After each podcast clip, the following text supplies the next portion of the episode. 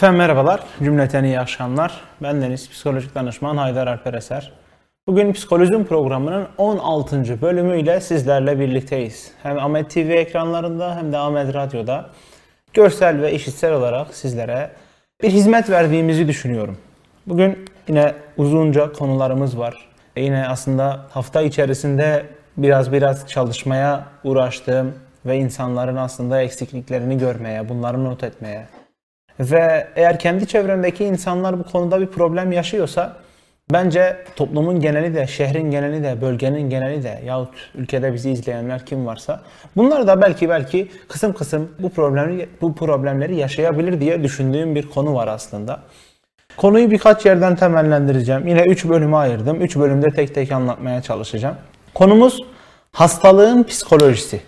Bu şununla karıştırılıyor. Konumuzun psikolojik hastalıklar olmadığını söylemem lazım. Sadece bir tane rahatsızlık, bozukluk yahut hastalık diye tabir edebileceğimiz tür işleyeceğiz bunun içerisinde.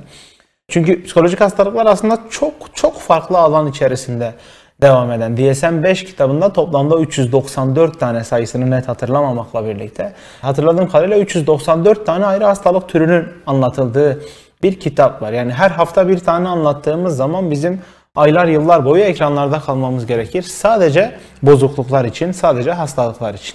Ancak bizim bugün anlatmak istediğimiz şey herhangi bir pandemi, afet vesairenin dışında basit anlamda düşünebileceğimiz, basit anlamda sayabileceğimiz hastalığın ne olduğu, bu hastalığı bizleri nasıl etkilediği yahut bizlerin bu hastalık karşısında verdiği tepkilerin neler olacağı, işte hasta yakınlarının nasıl duygu, düşünce, davranışlar içerisine girdiği gibi durumlarla aslında yavaş yavaş ilgilenmeye çalışacağız. Bunları anlatmaya çalışacağız. Şimdi hastalık ne demek? Öncelikle buradan başlamamız lazım. Öncelikle bize bir tanım verebilmemiz lazım. Ancak bu tanımı şimdilik etimolojik ya da terimsel anlamda bir şey olarak sormuyorum yani. Tıbbi bir tarım, terminolojik anlamda bir tanım istemiyorum. Hastalığın ne olduğunu psikolojik anlamda da işin içerisine katarak düşünmemiz gerekiyor. Vücut içerisinde bedensel, ruhsal yahut sosyal çevrenin de etkisiyle sosyal anlamda bir bozukluk, bir sekteye uğrama durumu aslında. Şimdi sekteye uğrama durumu ve psikolojik anlamda da bir fark olması durumu bizler için çok önemli. Çünkü hastalığı biz düşündüğümüz zaman sadece bedenle ilgili bir problemmiş gibi görüyoruz. Ama hastalık dediğimiz şey aynı zamanda bireyi sosyal çevresiyle ilgili bir problem durumuna düşürebilen yahut bireyi psikolojik anlamda bir harabat ortamına sokabilen bir alan. Bunu biraz daha temellendirmeye çalışalım. Ee, bu bozukluk ya da bu işte sekteye uğratma durumu dediğimiz şey nedir? Ya da daha basit soralım. Bir şey nasıl sekteye uğrar? Hemen açıklamasını yapalım. Eğer bir şeyde bir rutin varsa, daimi yolunda giden, devam eden bir şey varsa ve bu bir gün herhangi bir yer, şekil, insan, evren, tanrı vesaire tarafından bozulursa bu bir sekteye uğrama durumudur. Rutinden çıkma durumudur aslında rutinden çıkma durumu bireyi hem psikolojik olarak hem sosyal olarak hem de bedensel anlamda belki de yalnızlığa itebilen bir tür. Bu noktada düşündüğümüz zaman hastalığı belki zihnimizde, belki izlediklerimizden, gördüklerimizden hareketle hep bedensel olarak sınırlandırırız biz. Bugüne kadar hep bu şekilde devam etmiştir bu. Ama bugün itibariyle hastalığın sadece bedensel anlamda bir problem olmadığını, kişilerin etkileşimi, iletişimi, sosyal çevresi, aile, yakın, romantik ilişkilerini etkileyebileceği yahut psikolojik anlamda, ruhsal yani mental anlamda, düşünce, algı, biliş boyutunda insanları bir yorgunluk içerisine yahut o rutin bozulması sonucunda düşülen varoluşsal boşluk sürecine itilebileceği ile ilgili bir tanımlama ve böyle kallavi bir tanımlama yapabiliriz. Genel geçer bir tanımlama yapabiliriz. Peki bu hastalığın birey zihninde ortaya çıkardığı şeyler neler? Ya da bu hastalık psikolojik olarak bizleri nasıl etkiliyor? Şimdi 16. haftadayız. 16 haftadır farklı farklı konular bulup anlatmaya çalışıyoruz. Bazen bazı haftalarda birkaç konuyu birden işledik. Yani 16 haftada aslında biz 20'den 30'dan fazla belki de konu işlemişizdir. Bunu nasıl yapıyoruz? Aslında ilk başta söylediğim gibi psikoloji yaşamla o kadar iç içe entegre bir konu ki yaşam içerisindeki her konu aslında psikolojik anlamda da bir konu. Örneğin suç yaşam içerisinde olan bir konudur. Suçun bir psikolojisi vardır. Ya da suçsuzluk yaşam içerisinde olan bir konudur. Suçsuzluğun da bir psikolojisi vardır. Örneğin hastalık yaşamla çok iç içe bir konudur. Yaşam devam ederken akış içerisinde başımıza gelebilecek bir konudur. Bu durum kalkar. Psikolojinin de bir konusu olur. Hastalık alanında bireyin yaşadıklarını biz psikolojik temellendirerek anlatabiliriz. Psikolojik bir temellendirmeyle. Ya da biraz daha felsefi bir tanımlamayla gidelim. Mesela ölüm yaşamın bir konusudur. Çünkü ölüm dediğimiz zaman aklımıza yaşam, yaşam dediğimiz zaman aklımıza ölüm geliyor. Yaşam dediğimiz şey olmasaydı aslında ölüm dediğimiz şey de olmayacaktı belki de. Ya da şekil itibariyle yahut isimlendirme itibariyle çok daha farklı karşımıza çıkacaktı bu olay. Ve biz baktığımız zaman yaşam içerisindeki her şeyin psikolojik bir durumu, izahı olduğu gibi ölümün de psikolojik anlamda bir izahı, bir anlatım biçimi var. Bugün aslında hastalığın yaşam içerisindeki o entegre kısmından çıkması. Yani bir başlangıç ve bir bitiş diye bir kesit alınıp bu kesit üzerinden anlatılmasının nasıl olacağını işleyeceğiz. Tanımda çok basit bir e, şey var. Aslında biraz fatalist bir öğreti var. Yani çok kaderci şekilde yaklaşılmıştı. İşte hepimiz zaman zaman hastalanırız. Evet hepimiz zaman zaman hastalanırız ama doğuştan getirdiğimiz mizaç ve sonradan kazandığımız karakter boyutunda biz bu hastalığı farklı farklı adlandırmaya, isimlendirmeye yahut hepsinden daha önemlisi olan anlamlandırmaya itebiliriz. Örneğin sizin için basit bir soğuk algınlığı çok daha önemli, çok daha ciddiye alınması gereken bir şeyken benim için çok da üzerinde durulması gereken bir şey değildir gibi. Ya da insanlar en ufak bir problem yaşadıkları zaman sosyal hayatlarını tamamen bitirebilirler. Dışarıyla bağlantılarını kesebilirler. Bazıları da bakarsanız işte sargıyla, iğneyle vesaireyle kendilerini o duruma devam edip adapte et çalışırlar. Aslında hastalıktan mental olarak çıkmanın en iyi, en bilindik yolu budur. Ki bu anlattığım sadece hastalıkla spesifik olarak bağdaştırılabilecek bir alan değil. Bu dediğim durum taziye ile yasla da bağdaştırılır. Bu dediğim durum afetle de bağdaştırılır. Bu dediğim durum aslında tüm kriz ortamlarıyla, travmalarla da bağdaştırılabilir. Rutin bir yerde gelir sekteye uğrar, bozulur. Bizim tedavi yöntemimiz de aslında o rutini tekrardan tekrardan sağlamaya, tekrardan devam ettirmeye çalışmaktır. Örneğin bir deprem olur, deprem sonucunda işte çadırda yemek dağıtır insanlar. Bu depremin üzerinden aylar geçer, bir bakarız ki hala yemek dağıtılıyor. Şunu yapmak isteriz, gerekirse o malzemenin, ham maddenin teminini yapın ve insanlara verin. O insanlar o yemekleri yapsınlar. Çünkü bu noktada o düzeni kurabilmek için insanların yemek yemeye değil, yemek yapmaya ihtiyaçları olacak. Günlük segmenin dışına çıkmamamız gerekiyor aslında. Çünkü düzen değiştiği zaman birey alışılmışın dışına çıkıp farklı farklı reaksiyonlar verebiliyor. Farklı farklı tepkiler kendi içerisinde besleyip bunu açığa çıkarabiliyor. Şimdi Birincisi anlatacağım 3 konu vardı. Üçüncüsü çok basit, çok böyle tanımlama şeklinde geçecek. İlki hastalığın psikolojisi, ikincisi hasta yakınlarının psikolojisi, hasta yakınlarının yaşadığı şeyler. Üçüncüsü de hastalıkla ilgili bir hastalık olan hipokondriyanın tanımı ne olduğu çok e, basit düzeyde aslında bunları vermeye çalışacağım. Şimdi şunu aktarabilmem lazım. Buradan zaten anlatacağım şeyler çok kısıtlı. Bu bir. İkincisi de ben psikoloji alanıyla ilgili her konuda böyle bir uzmanlık vesairelik gibi bir durumum zaten yok. Burada ben her hafta gelip bir tane konuyla ilgili işte üniversitelerin 101 diye adlandırılan derslerinden birini aslında biraz biraz aktarmaya çalışıyorum. Yani siz o konunun beni dinledikten sonra uzmanı olmuyorsunuz. Sadece o konuyla ilgili bir kulak aşinalığınız, bir fikir belirginliğiniz oluyor. Bu şekilde devam edelim. Şimdi hastalıkların boyutları var elbette bireyler üzerinde. Hastalığın boyutu hafif olabilir, ağır olabilir.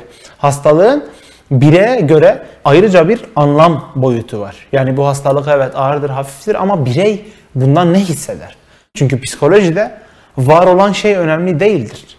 Var olan şeyden bireyin ne anladığı ya da var olan şeye karşı bireyin ne hissettiği önemlidir. Özellikle pedagoji alanında çalıştığımız zaman, yani çocuklar üzerinde çalıştığımız zaman bu çok daha net karşımıza çıkar.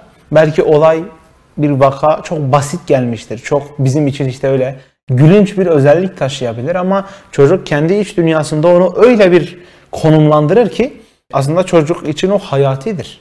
Çocuk için o belki de o problemin çözümü çok zaruridir. Çünkü onu çözmediği zaman kendi hayatına aktif olarak devam edemeyecektir gibi. Yani baktığımız zaman bizlerin farklı farklı bireyler, canlılar olduğunu ve farklı farklı düşünce kalıpları, farklı farklı e, algı eşikleri olduğunu anlamamız lazım. Bu eşikler de değişebiliyor. Kiminin anormal bulma eşiği çok farklıdır. Kiminin acı duyma eşiği çok farklıdır. Kiminin sinirlenme eşiği çok farklıdır gibi. Şimdi bu hastalardan biri biz olabiliriz öncelikle. İkincisi de biz direkt olarak hasta olmayız da bazen çevremizde, yakın çevremizde biri hastalanır ve biz de o hastanın yakını oluruz. Şimdi bugün hem hasta biz olursak neler yaşarız bunu anlatmaya çalışacağız. Hem de acaba hastanın yakını olduğumuz zaman neler yaşarız? Bunu anlatmaya çalışacağız. İki durumda da aslında mental sağlığımızın korunumu için yani iyi oluşumuzun uzun vadede devamı için ne yapmamız gerektiğini şu mecra içerisinde verebildiğim kadar vermeye çalışacağım. Tabii bu bir oturum ya da bir işte uzun vadeli bir ders vesaire formatında değil. Hastalığın boyutundan önce hasta olmanın düşüncesi bile çok ürkütücü olabilir. Bu aslında herkes için böyle. Bazen korkuların, fobilerin aslında temel sebebi bu. Mesela o şeyin kendisinden değil de o şeyin fikrinden insanlar korkarlar. Örneğin haşerelerden, işte böceklerden, farelerden korkan bir insanı düşünün. Aslında direkt somut anlamda bir fare değil. Farenin fikri bile, farenin o an o ortamda ontolojik olarak bulunma fikri bile e, o insanı korkutmaya yeterlidir. Hastalık da aslında böyle. Çünkü hastalık fikri bile ortaya çıktığı zaman birey düzeninin bir sekteye uğrayacağını düşünebilir. Bireyin düzeninin sekteye uğraması bireyde birkaç tane ayrı şey yaratıyor. Can güvenliğinin devamı var mı yok mu bu konuda bir endişe duyuyor.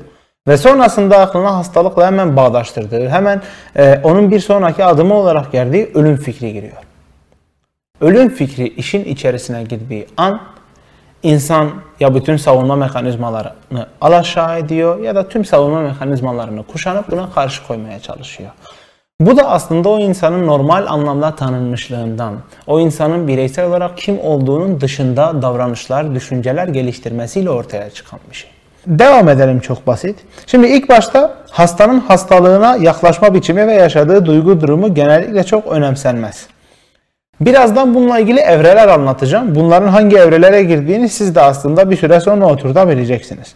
Oysa hastalık ne olursa olsun o hastalıkla başa çıkması gereken kişi öncelikle hastanın kendisidir. Ve hastalığına karşı olan yaklaşımı o hastanın o hastalığın gidişatını ve iyileşme sürecini doğrudan etkiler. Hep şu vardır bazen. Bir şey gelir ama o şeyin gelmesi önemli değil de bizim o gelen şeyi nasıl karşıladığımız önemlidir. Bu her şey olabilir. İyi bir şey de olabilir. Yani pozitif anlamda bir duygu da olabilir. Negatif anlamda bir vaka, bir olay da olabilir. Bir hastalık her şey devam ederken gelebilir. Hastalığın gelmesi problemin ortaya çıkışı biliş boyutundaki problemi temellendirmez. Hastalığı bireyin nasıl karşıladığı aslında biliş boyutundaki durumdur. Ya da ani bir ölüm hadisesi gerçekleşir bireyin o ölümü nasıl algıladığı önemlidir. O ölümün nasıl geldiği, hangi şekilde geldiği işte e, hep deriz ya işte genç ölümü, yaşlı ölümü vesaire. Aslında bireyin orada algıladığı, bireyin orada yüklediği anlam önemlidir. Bu aslında ölüm konusu, yaz konusu vesaire konusu belki bir başka programın konusu olabilir. Şu an sadece hastalık minvalinde devam etmeye çalışalım. Genellikle adını almaktan korktuğumuz bazı hastalıklarla karşılaşıldığında hastalığın belirgin bazı tepkiler verdiğini görülüyor. Aslında hem hastalık tepki veriyor hem de hastalar buna uygun tepki veriyor. Şimdi her hastalıkta verilen tepki de aynı değil.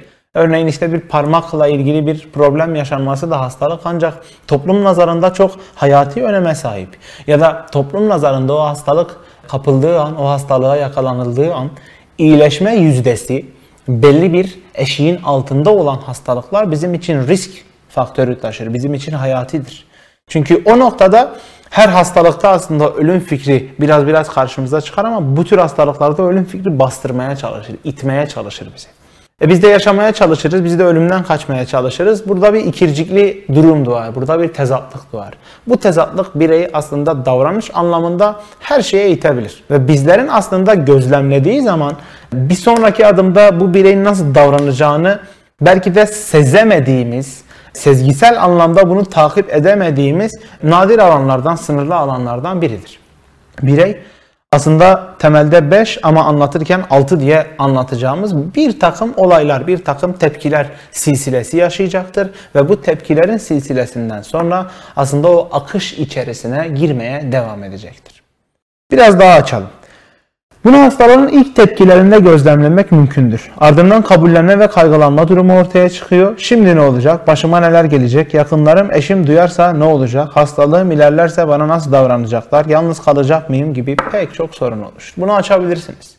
Ailem bana bakacak mı? Çocuklarım benden yüz çevirecek mi? Bu hastalığın üstünden tek başıma kalkabilecek miyim?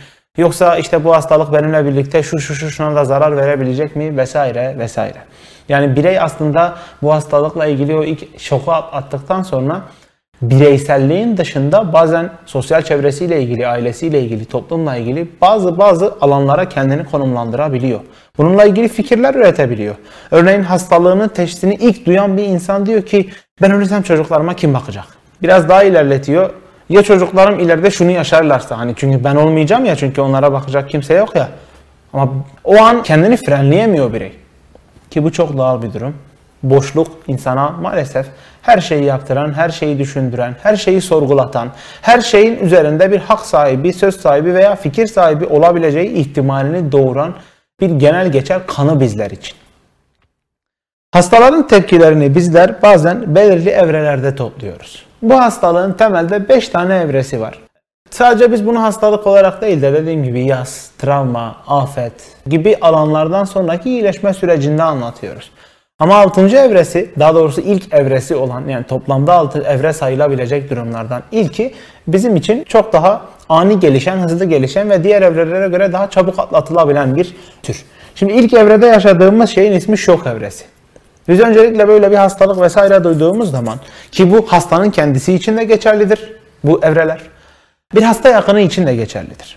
Yani illa siz hasta olmak zorunda değilsinizdir. Bir yakınınız hasta olur. O yakınınıza karşı siz yine o ilk şoku beraber yaşarsınız. Birey der ki hayır ya öyle bir saçmalık mı olur? Tabi bunu ilk başta söylemesi için o şok evresini yaşayabilmesi lazım. Dona kalabilir birey. Anlayamayabilir. Hani hep dizilerde, filmlerde söylemişizdir ya. Bir doktor tüm ihtişamıyla, beyaz önlüğüyle çıkar bir yerden. Bir ameliyathanedir orası yahut bir yoğun bakımdır. İşte insanlar etrafını sorar. Doktor bey, doktor bey ne oldu derler. Doktor beyin ağzından iki tane cümle çıkar. Ve o an insanlar ilk anlamda hiçbir şey yapamazlar. İşte elinde bir bardak varsa o bardak düşer. Çünkü vücut dona kalır. Vücut herhangi bir şey yapamaz. Kitler kendi kendini. Bu kitlemeden sonra bir çözülme gelişir ve bu çözülme silsilesiyle birkaç adımı hızlı hızlı atlatmaya götürür insanı. Bu biraz hastalıkla ilgili bir bilgisizliğinin olduğundan, bu hastalığın çözümüyle, hastalığın şifalandırılmasıyla ilgili kendine ait bir çözümünün olmamasıyla ilgili ortaya çıkan bir durum. Aslında yine psikolojik anlamda biraz daha derin düşündüğümüz zaman birey her zaman bir şeyleri kontrol etme fıtratıyla devam ediyor hayatına. Ee, hastalık ortaya çıktığı zaman birey diyor ki yahu bu benim kontrolümün dışında gerçekleşen bir şey. Ben ne yapabilirim?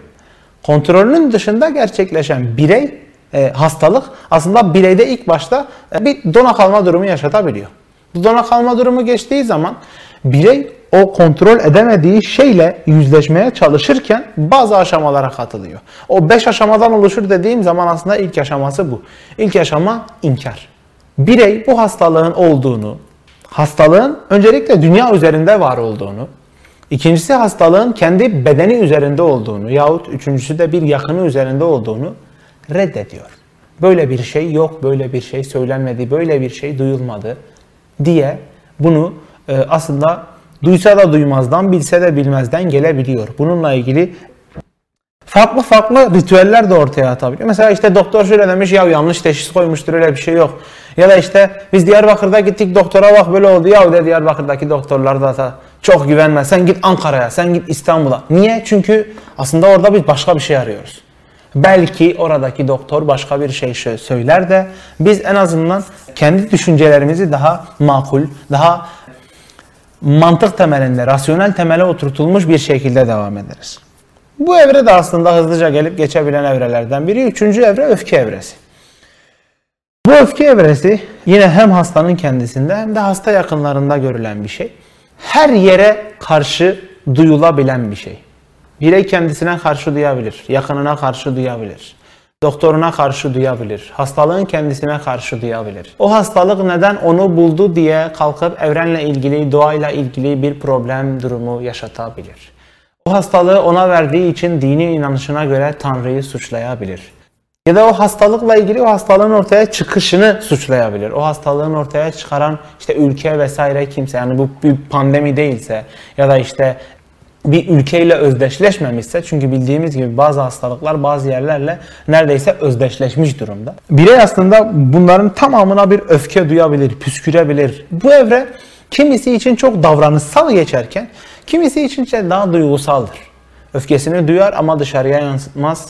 Öfkesini duyar ancak o boşluk içerisine atılmak istemez. Dördüncü evre pazarlıkla ilgili bir evre. Pazarlık evresi. Tabii ilkini saydığım için buna dördüncü diyorum. Normalde o beş grup içerisinde bu üçüncü evreydi. Pazarlık evresi aslında bireyin kendisiyle ya da az önce dediğim o öfkeyi yönettiği herkesle yaptığı bir şey. Ya acaba ben doktora gidersem tekrar şunu dersem böyle bir şey olur mu? Ya işte düzenli ilaçlarımı kullanırsam şundan kurtulabilir miyim? Ya işte şunu yapabilir miyim? Bu ben olmamalıydım. Nasıl ben oldum bilmiyorum ama işte başıma geldiyse mutlaka bir yol vardır. Bir kurtarış bulabilirim. Ya da daha dini boyutta atfeder bunu. Ee, benim başıma geldiyse mutlaka bir şey vardır. Ya ben yarın bir gün işte bundan şöyle kurtulabilirim.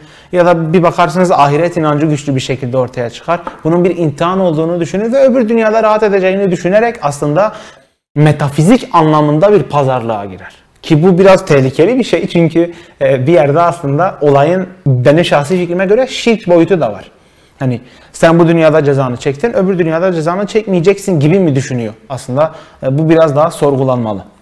Diğer evre depresyon evresi. Depresyon evresi dediğimiz aslında ilerlediği zaman anksiyete evresi yahut kaygı bozuklukları genel anlamda, bütünsel anlamda kaygı bozukluklarıyla diye adlandırabileceğimiz bir evre. Burada aslında birey daha çok olumsuz anlamda bir düşünceye ya da o kader anlamındaki ortaya çıkan şeye daha büyük bir sığınmacı olarak yani bir şeyleri sürdürebilir. İşte daha da kötüye gideceğini, artık bir çıkış yolunun olmadığını vesaire vesaire dillendirip anlatabilir. Altıncı evre son evre aslında kabul ve mücadele evresi diye geçiyor. Ama altıncı evre de belki de kendi içerisinde iki ayrı fraksiyona ayrılabilir. Önce kabul edilmeli ki hemen ardından mücadele edilebilsin. Bireyler karakter ve mizaç olarak bunları farklı farklı zaman dilimlerinde yaşayabiliyorlar. Örneğin kiminin öfke evresi 15 gün sürerken kiminin öfke evresi 3 ay sürebiliyor. Kiminin kabullenmeye gelen kadarki kısım evresi işte 3 ay sürerken kiminin kabullenmeye gelene kadar belki 1 yıla 2 yıla ihtiyacı olabiliyor. Bu kişinin size olan yakınlığı yahut hastalığın derecesi yani toplum tarafından o hastalığa atfedilen risk ile ilgili bir durum. Burada bir küçük es verelim bir sorumuz var sorumuzu alalım ondan sonra devam edelim ikinci bölümle ilgili. Özcan Sevgi Önal sormuş, dinlediği, izlediği için teşekkür edelim öncelikle. Bazı insanlar da hastalığını saklar, acaba neden hastalıklarını saklıyorlar demiş. Bireyler hasta olduklarını kendilerini bilip bazen dış çevreye iletmezler. Çünkü bireyler kendilerini o an boşlukta hissettiklerini anlarlar ve aslında dış çevrenin de onları belki de boşluğa iteceğini, dış çevrenin de onları belki de o an ona atfedilen değerin ondan alınacağını, uzaklaşacağını düşünebilirler. Bu bence güvenli bir ortamın olmamasıyla ilişkilendirilebilir etrafındaki insanlarla kurmuş olduğu o iletişimsel ya da etkileşimsel anlamdaki bağın gücüyle, zayıflığıyla ilişkilendirilebilir. Belki ekstradan başka problemler o hastalığa eşlik ediyordur. Bu problemler hastalığın ortaya çıkmasına değil de hastalığın dillendirilmemesine bir kaynak olabilir. Tabi bunların hepsi benim şu anda işte soruyu görüp ortaya attığım şeyler. Belki bunlardan hiçbiri değildir de birey işte karakter olarak çok ketumdur. Kendiyle ilgili hiçbir şeyi aktarmak istemezdir gibi çok böyle e, psikolojik anlamda değerlendirilme, değerlendirilemeyecek şeyler de ortaya çıkabilir. Umuyorum az da olsa bir cevap olmuştur deyip devam edelim kaldığımız yerden. Hastaların aslında bu evrelerle ilgili yaşantı süreçleri de dediğim gibi değişebiliyor, uzayabiliyor, kısalabiliyor. Çünkü hepimiz insanız ve aslında insan olduğumuz için bazı şeylerle ilgili düşüncelerimiz daha net şekilde ortaya çıkabiliyor. Şimdi hastaların bilmeleri gereken en önemli şey psikolojik ve fiziksel olarak hastalıklarını nasıl yönetecekleridir. Burada aslında hasta olan kişiden çıkıp da hasta yakınlarının bu noktada yapabilecekleri şeyler üzerine biraz biraz eğilebilmemiz lazım. Kaygılanmak çok normal, çok doğal. Çünkü ortaya normal seyrin dışında gelişen bir şey çıkmış ve biz de normal seyrin dışında gelişen bir tepki veriyoruz. Yani anormal bir durumumuz var ve biz de buna anormal bir tepki veriyoruz. Anormal bir duruma anormal bir tepki vermemiz aslında e, iki anormali değerlendirdiğimiz zaman yan yana gayet doğal, gayet insan olmamızın temel özelliklerinden ya da tepki vermemizin temel özelliklerinden biri. Çünkü o ana kadar belki de adını bile duymadığınız bir hastalığa yakalandığınızı öğrenmek ve nelerle karşılaşacağınızı bilmemek elbette ki endişe duygularının artmasına yol açıyor. Bilgisizlik insanda iki ayrı şeye yol açıyor aslında. Birincisi belki de o konuyla ilgili hiç ilgimiz olmadığı için tamamıyla önemsemiyoruzdur. İkincisi de o konuyla ilgili bilgisizlik bizi bir kötümserliğe itiyordur. Ne olduğunu bilmiyorsunuz, nasıl baş edeceğinizi bilmiyorsunuz, mücadele yönteminiz doğru mu yanlış mı bilmiyorsunuz. Diyoruz ya mesela adını belki ilk kez duyduğunuz bir şey bir gün başınıza geldi. Bununla ilgili yapmanız gereken şeyler o an için çok kısır. Adama adım atamıyorsunuz çünkü hangi yöne doğru atacağınız adımı bilmiyorsunuz. Ya da o, o konuda adım atmayı öğrenememişsiniz. Devam edelim. Hastalıklara karşı nasıl bir duygu geliştirmeniz gerektiğini kesin kuralları yoktur ve kimse sizin ne hissedeceğinizi, nasıl karşılamanız gerektiğini belirleyemez. Hastalığa karşı tutumunuz tamamen sizin olayı algılayış biçiminizle ilgili.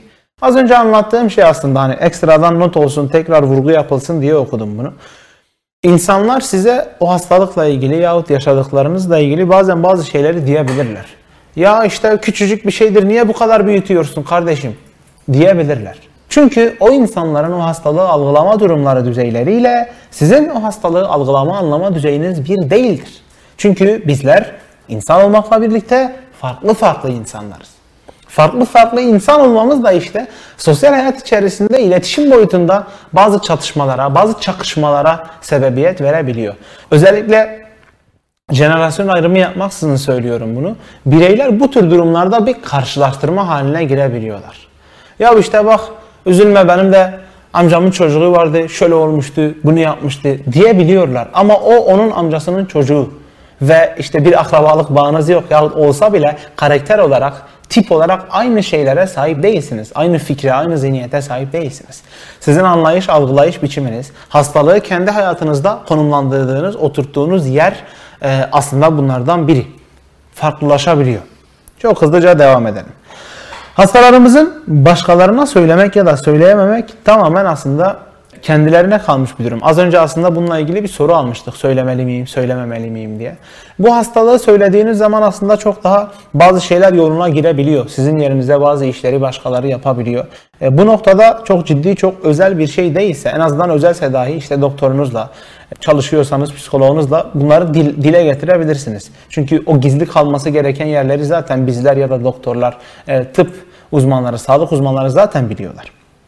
Bu size özel bir bilgi ve gerekmedikçe başkalarıyla paylaşmak istemeyebilirsiniz. Çok doğal. Son derece doğal bir durum. Çünkü size ait ve özel bir bilgi ancak hatırlatmakta fayda var ki sevinçler paylaşıldıkça çoğalırken üzüntüler, pay, e, üzüntüler paylaşıldıkça azalıyor. Bu aslında çok basma kalıp bir cümle. Basma kalıp cümleleri sevmiyorum. Kendim onu yıkıp yeniden kurmak istiyorum mümkün oldukça. Ama durum hastalık olduğu zaman insanların bir konuşma eğilimi, insanların bir anlatma eğilimi olduğunu gözlemledim belki de o çare bulamadıkları zamanlarda onlar için bir çırpınış, hastalığını anlatabilmek, hastalığıyla ilgili bazı şeyleri dillendirebilmek onlar için bir çıkış yolu sayılabiliyor. Hiçbir şey olmasa bile günlük kelime kullanımını ortaya koyuyorlar ve kısa bir süreli de olsa o katarsisi, o rahatlamayı, boşalmayı yani Türkçe'ye çevirdiğimizde sağaltım diye çevirdiğimiz şeyi yaşıyorlar ve tatmin yaşıyorlar bununla ilgili. Ee, en azından insanların bunu sizlere söylediği zaman sizlerin de o insanların bununla ilgili şeyleri anlatabilmesine, aktarabilmesine izin verin. Yine bir es verelim. Bir sorumuz gelmiş. Şenay Gezen sormuş. Ee, Facebook'tan gelmiş soru. Tekrardan dinlediği için teşekkür ediyoruz. Sağ olsun, var olsun. Uzun süreli hastalıklarda hasta yakınları çok bunalıyor. Onlar için ne tavsiye edersiniz? Çok iyi soru, çok mantıklı soru. Aslında benim not alırken es geçtiğim bir soru. Biz hep hastalığı şöyle düşünüyoruz. Belirli bir kesit içerisindedir. Şu zaman başlar, şu zaman biter diye düşünüyoruz. Yani hayatımız içerisinde bir dönemi kapsayan bir şeydir diye düşünüyoruz. Ancak bazen yatalak olan hastalarla karşılaşabiliyoruz. Bazen yaşı ilerlemiş ve artık e, bakıma muhtaç hale gelebilmiş hastalarla karşılaşabiliyoruz. E, bu noktada aslında bunu şahsi olarak söylüyorum. Mesleki bir bağdaştırma olmasın az bir dönem de olsa en azından şahit olduğum birileri vardı hayatımda. Gerçekten çok zor. Çünkü duyguların sürekli harap olduğu ve bu duyguların yenilenmesine fırsat vermediğimiz bir alan. Biz hastalığın işte öncesinde belki o duygularımızı yeniliyoruz. Hastalık bittikten sonra tekrardan kendimizi yeniliyoruz. Çünkü insan özü itibariyle kendi kendini iyileştirmeye çalışan bir varlık. Bu hem bedensel olarak böyle hem psikolojik olarak böyle. İşte elimiz kesildiği zaman elimizdeki o kesik de hemen bakıyorsunuz iyileşiyor. Ruhsal anlamda bir hasar aldığımız zaman da birey kendi kendini iyileştirme yönünde aslında ilerliyor bu noktada. Uzun vadeli olduğu zaman mümkün oldukça aynı kişiyle aynı hastanın birbiriyle devam etmemesi, maruz kalmaması, kardeş, çocuk vesaire varsa bunların değişimlerinin yapılması, insanların belirli bir noktada nefes alabileceği, kendilerini yenileyebileceği, duygularını almış oldukları o hasarı en az hale getirebileceği bir alan, bir ortam yaratabilmeliler kendilerine. E, bu da yine bireyden bireye değişir. Kimisi gider işte bir tur atar, bir çay içer, kendine gelir, daha iyi hisseder ve o ilgiyi gösterebilir. Kimi daha farklı şeylere yoğunlaşmak ister, daha uzun süreli kopmalar yaşamak ister. Bu noktada aslında hastalığın söylenmesi, hastalıkla ilgili yardım alınması gerekiyor. Sadece sağlık anlamında alınan yardım bu noktada yeterli olmayabilecektir. Özellikle Şenay hocamın sorduğu için bu soruyu üstüne basa basa söyleyeyim. Ee, Tıp evet çok ciddi bir alan. Tıp en başta iyileşmenin sağladığı bir alan. Biz tıp olmasa hareket edemezdik. Bunu her zaman dile getirmem gerekiyor. Tıbbi bir şey ortadan kalktıktan sonra ya da tıbbi bir şey iyileşme gösterdiği zaman bizlerin aslında sürece müdahale olabilmesi lazım. Ama uzun süreli hastalıklarda hastanın kendisi, hasta yakınları, hastalığa maruz kalmış bireylerin aslında bu noktada ruh sağlığı uzmanlarına da danışabilmesi, gerekli görüldüğü takdirde bunlardan yardımlar alabilmesi son derece önemli. Çünkü bireyler kendi iletişimlerini de bu noktada yok edebiliyor, bitirebiliyor. Çok yakın insanlar bir bakıyorsunuz aynı hastaya bakarken birbirlerine düşebiliyorlar. Ya da aynı hasta kendi işte çok yakın olduğu işte eşi olduğu, çocuğu olduğu, evlatları olduğu insanlarla bir bakıyorsunuz kırıcı hale gelebiliyor, ters düşebiliyor. Bu da hastalığın uzun sürede hastanın kendisi için ortaya çıkarmış olduğu sinir bozuklukları, öfke kontrol problemleri gibi şeylerin bir çeşit yansıması bizler için. Ama durumun çok zor olduğunu tekrar tekrar söylemekte ve gerekli görüldüğü an yardım alınmaktan, yardım alınmasından çekinmemekte de çok ciddi faydasının olduğunu söyleyebilirim. Şimdi yavaş yavaş toparlayacağım programı. Çok fazla da zamanımız yok.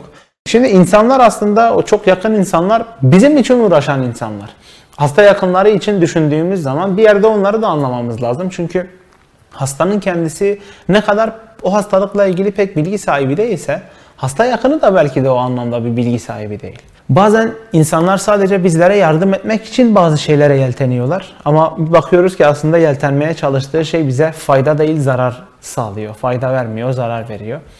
Psikoloji alanında ya tıp alanında çok genel geçer bir yargı vardır. İşte fayda sağlayamıyorsan bile zarar verme. Bu bizim için bir etik ilkedir, hukuki, ahlaki bir ilkedir bizler için. Belki de o hasta yakınlarının kesin olarak fayda sağlayamayacağını gözettikleri durumda en azından zarar vermemek için ilk başta uzak kalmaları yahut bununla ilgili bilgi sahibi olup sonrasında sürece e, yoğunlaşmaları gerekir. Çünkü zaten bireyin kendi kendiyle dahi iletişim noktasında sıkıntı sorun yaşadığı durumlarda kalkıp dış çevreden biriyle de iletişim noktasında sorun yaşaması ona daha büyük bir buhranın içerisine, daha büyük bir yalnızlığın içerisine itebilir. Bu bu alan içerisinde bizlerin en korktuğu, en aslında olmasını istemediği şeylerden biri. Hayatımızda yeri olan insanlar, yakınlarımız hastalığımızı bilirse bize nasıl yardımcı olabilecekleri konusunda hastanın kendisi de aslında onları bilgilendirebilir. Evet ben hastayım ama onunla ilgili neyin beni iyi hissettireceğini ben biliyorum. Bir yakınım var bana yardım etmek istiyor, çırpınıyor ama çaresiz. Ona ben söyleyebilirim. Şunu yaparsa daha iyi olabileceğini, şunu yaparsa daha kötü olabileceğini ve yapmaması gerektiğini söyleyebilirim. Bu günlük iletişimin dışına çıkan bir şey. Bu aslında çok fazla kibarlığın, çok fazla nazikliğin işin içerisinde olduğu değil de daha güçlü bağların, daha insanların aslında gün ayrımı yapmaksızın her şeyiyle var olmaya çalıştıkları bazı ortamlar. Herkes bizi anlayabiliyor bu doğal. Onları da aslında suçlamamak, kızmamak gerekiyor. Ve hastaların kendisi de aslında kendilerine bu noktada zaman tanıyabilmeli. Hastalık psikolojisi çok zorken hastalar e, bir yerde feragat edip şunu da düşünebilmeli. Ya tamam ben hastayım da bak bu insanlar da bu kadar uğraşıyorlar, ediyorlar. Ben en azından onları kırmamaya çalışayım diyebilmeli. Ancak bu çok zor dediğim gibi e, bu noktada çok ciddi şekilde destek, ciddi şekilde yardım alınabilmeli. Şimdi son dakikalarımız var. Ben konuyu üçüncü konu olan hipokondriyanın, hipokondriyazisin ne olduğunu anlatarak bitireceğim. Ee, dediğim gibi bir 101 dersi verir gibi aslında çok basit şekilde bir tanımlama yapacağım. Hipo hipokondriyazis aslında Latince bir kelime. Sonrasında işte güncel Yunanca'ya da geçmiş bir terim. Anlamı şöyle kaburga ile göbek arasındaki yumuşak parçalar anlamına geliyor. Bu aslında karın, işte göbek. Yani vücut için bir bölüm aslında. Ee, hipokondri dediğimiz geç Latince kökenli bir kelime. Immanuel Kant 1798 tarihinde Antropoloji isimli bir kitap yazıyor ve o Antropoloji isimli kitapta hipokondriyanın bir hastalık olarak tanımlıyor. Ama bu hastalık bugün günümüzde kullandığımız türden, tabirden bir hastalık değil. Bir beden hastalığı şeklinde tanımlıyor. Bir karın ağrısı, işte sızlama vesaire gibi durumlarda vücudun genelini huzursuz eden bir problem olarak tanımlıyor bunu. Bunu anlatmamın sebebi de şu, bu alanı anlatmamın sebebi. Hastalık uzun vadeye yayıldığı zaman ya da hastalık sıklaştığı zaman bireyde sonrasında bir kalıcı etki olarak yeni bir hastalık bırakabiliyor. Ve bu hastalıkta hastalığın kendisinden korkmak olarak tanımlanan ve sonrasında vücudun çok fazla bireyin kendi üzerine çok fazla eğilmesiyle aslında o hastalıktan kurtulayım derken o hastalığın hastası olma anlamına gelen bir tabir. Hipokondriya, hipokondriyazis e, olan kişilere de hipokondriyak deniyor ve bunun Türkçe tabiri hastalık hastası olmak. Devam edelim. DSM-4 kitabında yani bu bozuklukların toplandığı kitabın dördüncüsünün Türkçe dizininde e, bu bozukluğun hipokondriyazis diye tanımlanmış ve somatoform yani somut anlamda görebileceğimiz dışsal bir etkiyle görebileceğimiz formun genel geçer yapının bozulmasıyla ortaya çıkan bir tür olarak bir bozukluk olarak söylenmiş. Ve bir çalışmada da bir, ziy bir, bir, bir ziyaretçiyle yaklaşık %3 etki gösterdiğini söylemiş ki %3 aslında genel geçer itibariyle itibariyle düşük bir rakam değil. Net bir, kesitli bir hastalık olarak düşündüğümüz zaman. DSM-5 tanısı ile hipokondriyazis tanısı yine somatik bozukluk ve hastalıkla entegre olarak anksiyete bozukluğu olarak görülmüş. Yani şekil, form, dış çevre bozulabiliyor. Ancak bu bir kaygı ürünü, çok yoğun bir kaygı ürünü olarak ortaya çıkıyor. Aslında böyle nasıl desem bir bozukluk ama o bozukluğun içerisinde farklı farklı alanlardaki bozukluklar da çıkabiliyor. Bağırsaklar tarafından yapılanlar gibi vücuttaki organlar tarafından üretilen sesler. Çok basit. Örneğin çok acıktığımız zaman karnımız guruldayabilir. Bu tür bireyler aslında o karın guruldamasını o kadar ciddi bir hastalık habercisi gibi algılarlar ki bunu çok daha uç boyutta şeylere yorabilirler. E, basit tabiriyle hipokondriyanın işte günlük hayattaki söylemi bu gibi. Tabi bununla ilgili çok fazla testlerin yapılması, uzman görüşlerinin alınması gerekiyor. Çok basit anlamda tanımını söylemiştim. Bir örnek vereceğim son olarak. Örneğin Saddam Hüseyin, hepimizin aslında çok yakinen tanıdığı bir isimden örnek vermek istedim. Ciddi bir hipokondriyaydı her iki ya da üç günde bir doktorları kontrol ettirir ve sanki ölecekmiş gibi küçük bir kesim veya çürüye tepki gösterirdi. Hipokondriyanın aslında tehlike gibi durumlarda yani bireyin canına kendisine kast edileceğini düşündüğü durumlarda daha net, daha ciddi ortaya çıktığını söyleyebilirim. Hastalığın kendisinin psikolojisi, hasta yakınlarının psikolojisi ve hastalık hastalığı yani hipokondriyanın tanımları bugün 16. bölümümüzün konularıydı. 16. bölümde sizlere dilim döndükçe bunları anlatmak, bunlarla ilgili bilgi sahibi olmanızı istedim. Önümüzdeki pazartesi günü 17. bölümle yepyeni bir konuyla ama yine aynı yerde Ahmet TV ekranlarında olacağız. O güne kadar umuyorum tüm hastalıklardan, tüm mental ve bedensel yorgunluklardan uzak, mutlu, huzurlu ve düzeninizin, tekrarınızın bozulmadığı, bozulsa dahi çok kısa sürede onun yerine geldiği, sizi bu bu ölçüde rahatsız etmediği bir yaşam, bir ömür ve en basitinden bir hafta diliyorum. O güne kadar görüşünceye kadar kendinize çok çok iyi bakın. Bendeniz psikolojik danışman Haydar Alper Eser. Hepinize iyi akşamlar. Görüşmek üzere.